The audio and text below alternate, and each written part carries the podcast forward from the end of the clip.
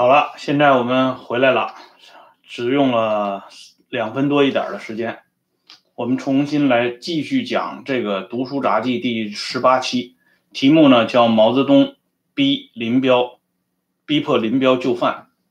接着刚才的话题来讲，就是说你对比了黄永胜和彭真的这个做法呢，你就会发现，这黄永胜不进入常委，绝不仅仅是江青这么一闹，这事情就。起了变化，江青哪有那么大能量？再说江青为啥要闹？如果没有人向他示意，他凭什么在那儿撒泼打滚，做出一副这个泼妇的这个样子呢？自然是背后有人来操纵这个事情。刚才呢，我讲到一个话题，就是说文革开始的时候，毛在很多地方是不得不借重和依赖林彪的。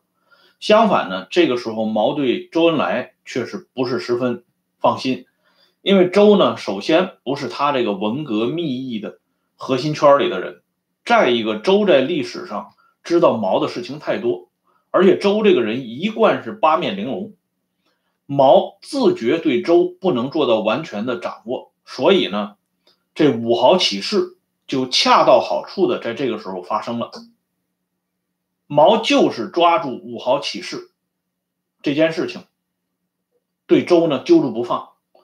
当时毛的谈话里面第一句话就是说：“敌伪的报纸不可全信。”这话听着，咱们听一下，这话别扭吗？相当别扭。什么叫敌伪的报纸不可全信？也不可全信啊。表面上是毛接着别人的话在讲这个话，好像这是顺下来的，随随便便的这么一句谈话。但是我们知道，在阶级斗争全方位展开的文化大革命期间，我们都非常了解的一个标语就是：凡是敌人反对的，我们就拥护；凡是敌人拥护的，我们就反对。这是一个一边倒的岁月里。啊，敌伪的报纸也不可全信，那就是说还有一些东西是可信的呗。特别是这个时候，就是在五豪起事最关键的时候，需要毛来出来一锤定音。可是毛呢，却把这个五豪这个事情呢高高举起，始终还就不放下，这让周当时是惶恐不安。还有一个，刚才我们讲到的这个削夺中央学习班的权利。总之，这个时候毛对周一方面在用，一方面在打压。所以康生就是因为冯莹毛的当时的这种基础的看法，康生很清楚啊，毛这个时候对周是一边观察一边使用，不能完全放心，所以康生才挑了个小刺儿。因为周在一次汇报里边呢，直接越过林彪，直接向毛。汇报，所以呢，康生认为周恩来越级了，把这个刺儿给挑出来了。然后周恩来亲自打电话到毛家湾，向林彪两口子表示致歉。林彪那个时候也很激动啊，还想回复一个文字的东西给周恩来，愿意同周恩来共勉，因为他毕竟是周的晚辈和学生嘛。啊，叶群给拦住了。叶群的名言就是“千年的文字会说话”，啊，没有必要。留文字的东西，咱们回个电话就不得了了。实际上，以康生和周恩来的这个渊源之深，康生疯了，他去打周恩来的小报告，他打周恩来的报告对他自己有什么好处？可是呢，在历史上，康生历来就是肯为老大背黑锅的人，他宁愿背着这个黑锅去这么干。事实上也体。就是说，等于说，一方面他体察了毛的意志，另外一方面他也代表了毛的意志去执行这件事情。所以呢，这个时候毛实际上是在文革初期，他是侧过身子来作战。他一方面呢要把刘少奇这伙人彻底的搞掉，另外一方面呢，他要还要防着周恩来，同时呢。他一方面借重林彪，一方面又不得不考虑，如果林彪成为下一个刘少奇怎么办？他又不得不在有些枝节上对林彪呢加以限制。不过这个时候总的是对林彪很看重的。在一九六八年三月二十八号，也是我刚才提到的那一天的谈话里边，毛呢公开讲，今后军委办事组由林副主席直接管，军委就是办事组，军委常委可以不开会了。这是毛说的原话，也就是说，从这一天开始，中央军事委员会这个实际上就已经化整为零了，就变成了军委办事组，而这个军委办事组组长就是黄永胜，而黄永胜之上就是林彪啊，所以李德生那个回忆里边他不是讲吗？他说刚参加这个军委办事组的时候，一开始是不习惯的，因为军委办事组的这些人。人家都原来就是一伙的，他们开会的时候经常讲一些他们过去的事情，他们熟悉的人和事儿。李德生根本插不上嘴，所以可以想见，在李德生参加到军委办事组的这个时候，这军委办事组实际上已经是清一色的这个天下了啊，已经深深的打上了这个林彪他们这个家族集团的这个印记了。这些权利当然也是毛批准交给林家的。可是呢，随着这个斗争不断的取得胜利和深入，刘少奇的这批人呢，已经彻底的土崩瓦解了。啊，这些人呢，死的死，抓的抓，有的呢还怕这个改换门庭了。所以呢，这刘少奇这个事情呢，已经翻不起多大的浪了。那么到了这个时候，毛就把林彪的事情提到日程上来了。因为毛这个人，我们都知道，他是一个老谋深算的，走一步看若干步的这么一个人。因此呢，这个时候毛要做的就是逼迫林彪就范。什么叫逼迫林彪军就范呢？就是咱们常说的请君入瓮，就是你林彪同样要做出一个重要的抉择，要么你自检羽翼。把你这些人马该遣散的遣散，该冷藏的冷藏，要么由我来替你动手。这个东西虽然没有直接说出来，但是毛当时的所作所为已经表露出这种形式了。我来举一个最简单的例子，在一九六九年一月十号，当时呢，周恩来收到了一封来自于河南省。国营武武山农场的信，这个信呢，说的是什么呢？就是说这信说的是建议啊，江青同志这个作为中共九大中央委员的候选人，并且江青同志应该成为常委，同时还希望江青同志以常委的身份兼任中央组织部部长。这个武山农场这封信到底是什么来头不重要。关键是他提出的这个问题，于是呢，周恩来马上把这封信上交到毛泽东手中，毛泽东就是做了一个批示。这时间呢是在一月十一号，《人民来信》摘报上面，毛做了一个重点的批示。他说的呢就是徒有虚名，都不适当。就什么中央常委、中央组织部部长，这这江青徒有虚名，不能当。而且呢，毛突然这这个批示呢，话锋一转，说又啊，就是同时啊，还有的意思，李讷、毛远新二人不宜为代表，这两个人不应该出现在中共九大的会场上，他们俩不能当中共九大的代表。这个之前呢，我们都知道，这个李讷那是名声在外啊，他不仅是砸烂总政阎王殿。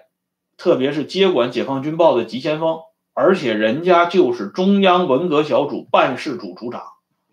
办事组组长是什么概念？我们看一下军委办事组就知道了。这办事组就是相当于办公厅主任啊，办事组组长相当于办公厅主任，但实际权力远不止这个位置。陈伯达讲过，中央文革第一号首长是江青，第二号首长就是李讷。他说是江青的女儿。那不就是李讷吗？所以这个李讷是中央文革的实质上的二号人物，人家当中共九大代表，那不是太正常了吗？但是毛呢，在这个批示里边直接就提出来，李讷不能当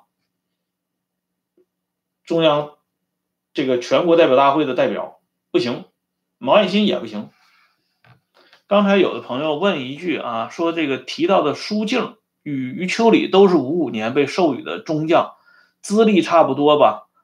你如果仅仅看他授予的这个中将军衔来看，两者呢表面上看是差不多，但实际上呢，苏静是被高拔了的，因为苏静是林彪系统，就是老老一军团系列出来的人，就是说从这个四啊不是老一军团，从四野出来的人。他在五五年被评衔的时候，本身就是被高拔啊。退一步说，就算他们都是中将，也不一样，因为你要知道，我写过余秋里传啊，我对余秋里的这个东西多少还是了解一些的。余秋里当年那是原来这个军委啊，军队这个军委下边管的不是三种部，而是八种部啊，仿照这个苏苏联搞的，还有什么武装力量总监部。总财务部啊，这余秋里就是总财务部部长，人家是总部首长。你苏静那个时候是什么级别干部呢？而且余秋里在文革前夕就担任小纪委的头子了。小纪委，别看是小纪委，凡是带小的，那都是来头很大的。哎，余秋里是毛泽东派到国务院系统里掺的一个最大的沙子。他一方面是来拆解这个刘少奇系统的这个力量，另外一方面呢，他把国家纪委抓在手里，这样呢也等于部分的架空了周恩来，所以这个余秋里的地位那是不一样的。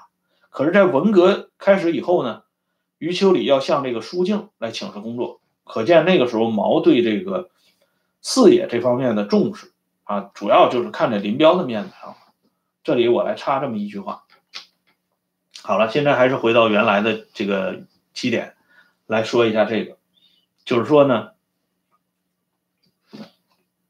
毛这个批示其实就是传达了一个信号。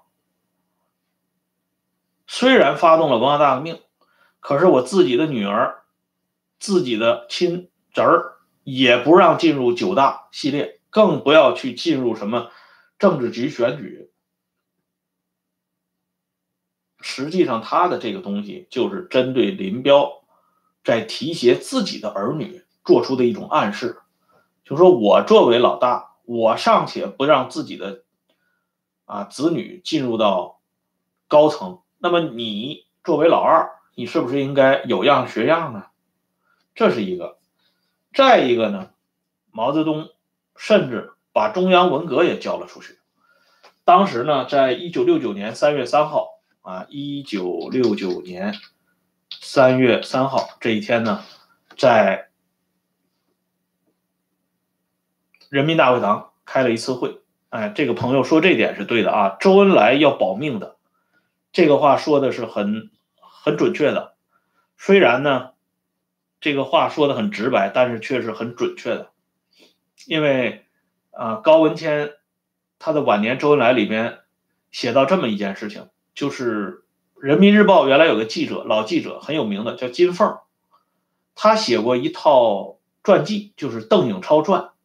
邓颖超把这个自己的传记交给金凤来写，说明这金凤和邓颖超的关系也不同一般。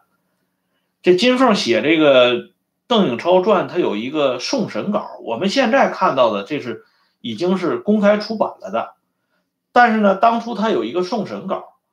送审稿里边提到这么一件事儿，就是一开始文革一开始的时候，周恩来的处境相当的微妙，所以呢，在周恩来开会之前呢，邓颖超都要把一个这个军军用的挎包给他收拾好，里边放上洗漱用品，实际上就是防备着周恩来一去不回，比如说在会场就让人给斗垮了，或者就让人给逮起来了，这样呢就可以拿着这挎包去到他的这个。羁押地，避免再回来取东西。从这个小细节呢，就可以看出来，当时周的这个个人处境也是相当微妙的。这个细节呢，在公开出版的时候，这段话给取消了。本来这个话呢，就是邓颖超告诉金凤的，按照这个官方史料。的衡量就是周是意外卷入嘛，然后周呢是忍辱负重顾全大局，这个史料加上去，恰恰能说明周那个时候这个人呢，自己处在很危险的境地，还继续啊殚精竭力的为国家去做事儿。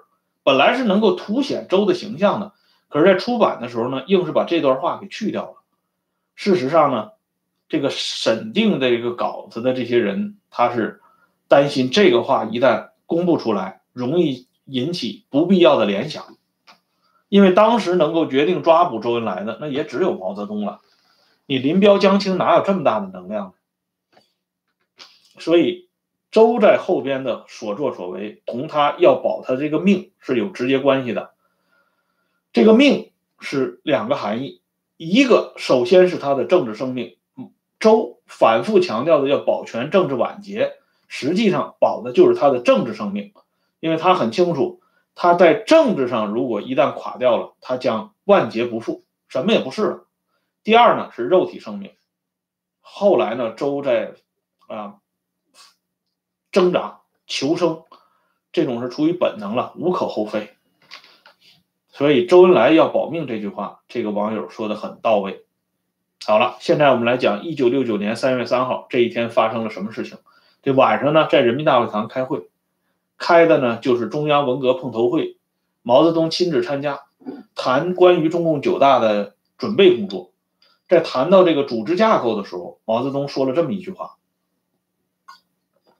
毛泽东说什么呢？毛泽东说了这么一番话。毛说：“中央文革不要加了，中央文革是管文化革命的，文化革命就要结束了，用常委。”这是毛当时说的。呃，话的原始记录，实际上毛不可能说的这么文绉绉的，他一定是用大白话来形容的。但是这个话呢，就是这个意思，就是说这个时候，毛把中央文革也交了出去。而我们都知道，在一九六七年一月十一号，当时中共中央、国务院、中央军委。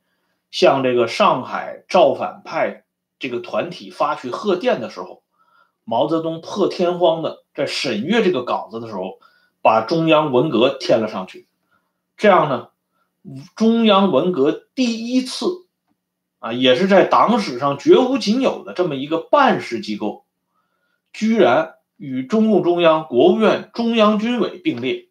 后来呢，你比如说各省的革命委员会成立以后，贺电都是这。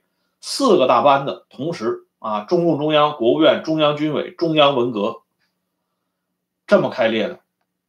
当时成立文革的时候，是明确是讲了，中央文革是隶属于中央政治局常委之下的。说白了，你是在中共中央领导之下的。可是呢，他居然同中共中央、国务院、中央军委并列，可见毛当时要刻意的。拔高这个中央文革的权威和地位，然而两年之后，就过了两年呢，六九年三月份，两年多一点的时间，毛突然就改口了，说这文革是管这文化革命的，现在文化革命结束了，用常委，就是说要恢复到正常的程序上来，实际上呢，这都是虚晃一枪。因为这文化大革命里边就根本就谈不上什么正常，但是他这么一搞呢，其实就是逼宫，就是逼林彪一步。我们前两次的节目里边已经说的很清楚，毛在文革当中呢，依仗的是两组一会，中央文革小组、中央军委办事组和中央专案审查委员会。这是他三个最重要的拐杖，而他现在呢，居然一方面不让自己的儿呃这个女儿李讷和侄子毛远新参政议政，一方面呢又把这个啊爱如心肝的中央文革小组交了出去。江青后来不是有一句名言吗？他说：“九大以后，我基本是个闲人了。”是啊，中央文革没有了。他就没有办公的地方了，他可不就是一个闲人了吗？这样做的目的其实就是逼着林彪照章办理，因为林彪手里有一个军委办事组，林彪扶扶植自己的儿子林立果和林立恒上位，所以毛用这种办法将林彪一军儿。我都把这两个交出来了，那你有什么理由不交出军委办事组呢？但是林彪呢，这个时候没有回应。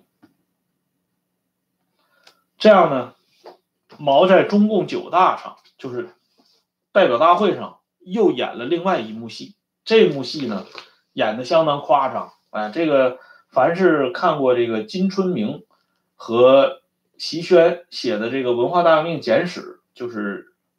中共党史出版社出版的这套小册子，啊，看过这个简史的人应该都知道有这么个细节。金春明呢提供了这么一个细节，他说呢，在九大的开幕式的时候，在推选大会主席团主席的时候，毛泽东突然说：“我推举林彪同志当主席。”林彪一下子就慌了啊，站起来大声地说：“伟大领袖毛主席当主席。”毛泽东又说：“啊，林彪同志当主席。”我当副主席好不好啊？林彪连忙摆手说啊，不好不好，毛主席当主席，大家同意请举手。于是呢，全场都一致举起手来。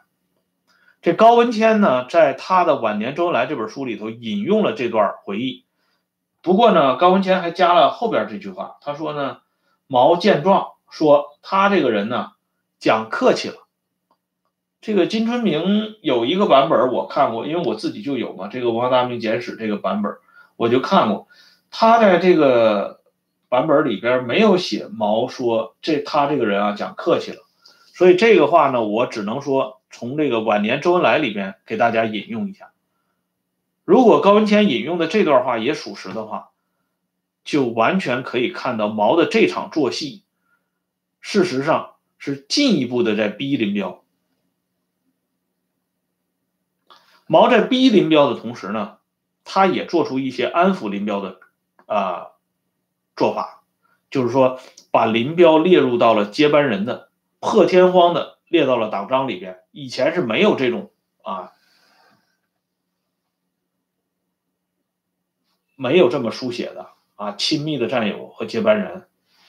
可是呢，这一次居然就把林彪给列了进来。这样做呢？其实也是毛似乎在告诉林彪，他们当年的这个躲在幕后的密议所达成的政治谅解仍然有效，毛仍然想兑现这些东西，所以这一招呢，连同之前毛的这三步走的逼迫林彪的这个招呢。两者是同步进行的，这两个同步进行的招法呢，实际上很大程度上就把林彪给迷惑了，以至于呢，让林彪有一种乱花渐欲迷人眼的感觉，他有些吃不透这毛这葫芦里到底卖的是什么药，因为你要说毛逼他交权啊，要把军委办事组的这个权利交出来。那为什么还同意把接班人的这个东西写到党章里边呢？为什么还同意叶群进入政治局呢？甚至呢，高文谦还披露一条，就是说，当时九大选举中央委员会以后，九届一中全会上，毛呢准备让周恩来出任中共中央副主席，排名排在林彪后边。这是被周恩来坚决自己给推掉了。周恩来不仅自己推掉了这个中共中央副主席，而且呢，还把邓颖超的政治局委员的位置也给推掉了。毛当时亲自提名啊，提名邓颖超当政治局委员。可是，在这个酝酿名单的时候，康生他们把名单誊抄好了，送到周恩来，周恩来是牵头的嘛？周恩来大笔一挥，两次。抹去邓颖超的名字，而周的这种做法呢，丝毫没有引起。这黄永胜也在场，黄永胜也看到了，他肯定是向要向毛家湾反馈这个意见的。但是呢，周的这种做法丝毫没有引起林彪的注意。张云生的那个回忆里边讲的很清楚，张云生在念那个酝酿名单的时候，念到叶群的时候，他是加重了语气的。他原来也以为是底下人搞的，林彪不知情。可是呢，念了以后，林彪是知道的，林彪没有做任何表示，叶群自然也就当选了。关伟勋写的啊回忆叶群的那个小册子里边，关伟勋是主张给林彪夫妇翻案的。可是他的那个小册子里边也承认了这点，说林彪在这件事情，在叶群进入政治局这件事情，是吧，做的确实是不够高明。当然，关伟勋因为是受恩有这个受到林立恒的恩庇，他是站在林立恒的那个角度来说问题，对叶群自然是，呃，咬牙切齿了。不过呢，从这两个例子里边，我们就可以看到。林彪在大的事情上，一方面是犯了毛的忌了，啊，因为确实是大权在握；另一方面有点含糊了，没有意识到毛向他传递的这些信号的真实的含义。这就说明什么呢？说明没有一个人可以例外。什么例外呢？就是。当你一旦尝到权力的甜头之后，坐到那个位置上以后，就像林彪自己说的，千万不要骑上去。就是你一旦骑上去以后，说实话，你是不愿意下来的。朱德不是说过那句话吗？由俭入奢易，啊，从奢反俭难。你过惯了奢侈的生活，你再想去吃白菜豆腐。你受不了，反过来你吃了白菜豆腐，然后你就住进这个啊金碧辉煌的这些楼堂馆舍里边，那你很容易啊。所以老百姓不是经常说吗？只有享不了的福，没有吃不了的苦，就是这么个意思。林彪已经坐到那个位置上，这个权力在他手里。他是一个什么样的状态？一人之下，万万人之上，他怎么能轻易舍弃呢？况且，这个位置，还有今天他拿到的这些既得利益，正是他多少年以来梦寐以求和积极奋斗得来的。这就是我在下一期节目里面呢，要谈到一个事情，就是说。林彪处心积虑拿到这个第二号人物过程当中，他使用了哪些伎俩？这从抄检毛家湾得到的那些信件呢，啊，笔记啊，都可以得到证实。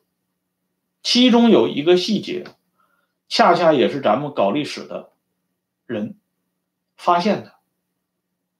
所以说，我跟大家讲这么一件事儿，就是傅斯年啊，我们都知道那个著名的学者傅斯年，他就讲过这句话，他说有些事情，如果是从事其他工作的人看不透，倒也罢了，但如果你是搞历史出身的，你要还看不透，那就是耻辱。就是说你研究历史，有些事情是应该看的比其他人更多一点在收捡毛家湾的时候，发现的一点蛛丝马迹，恰恰就是一个搞历史研究出身的一个叫周一良的人，他发现的。所以这一段话呢很有意思，我。在明天的直播里边呢，会给大家专门进行讲述啊。明天要是有时间的话，因为现在呢还不敢这个完全决定。明天呢就是传统的中秋节了，所以在今天的这个节目结束之前呢，我祝愿咱们所有的来温相说党史听节目的朋友。和家人阖家欢乐幸福，一切如意顺利，好不好？然后。然后呢，大家吃好喝好，保证身体健康，身心愉快。那么今天呢，咱们这期节目就先说到这里，下一次我们接着聊。谢谢大家，再见。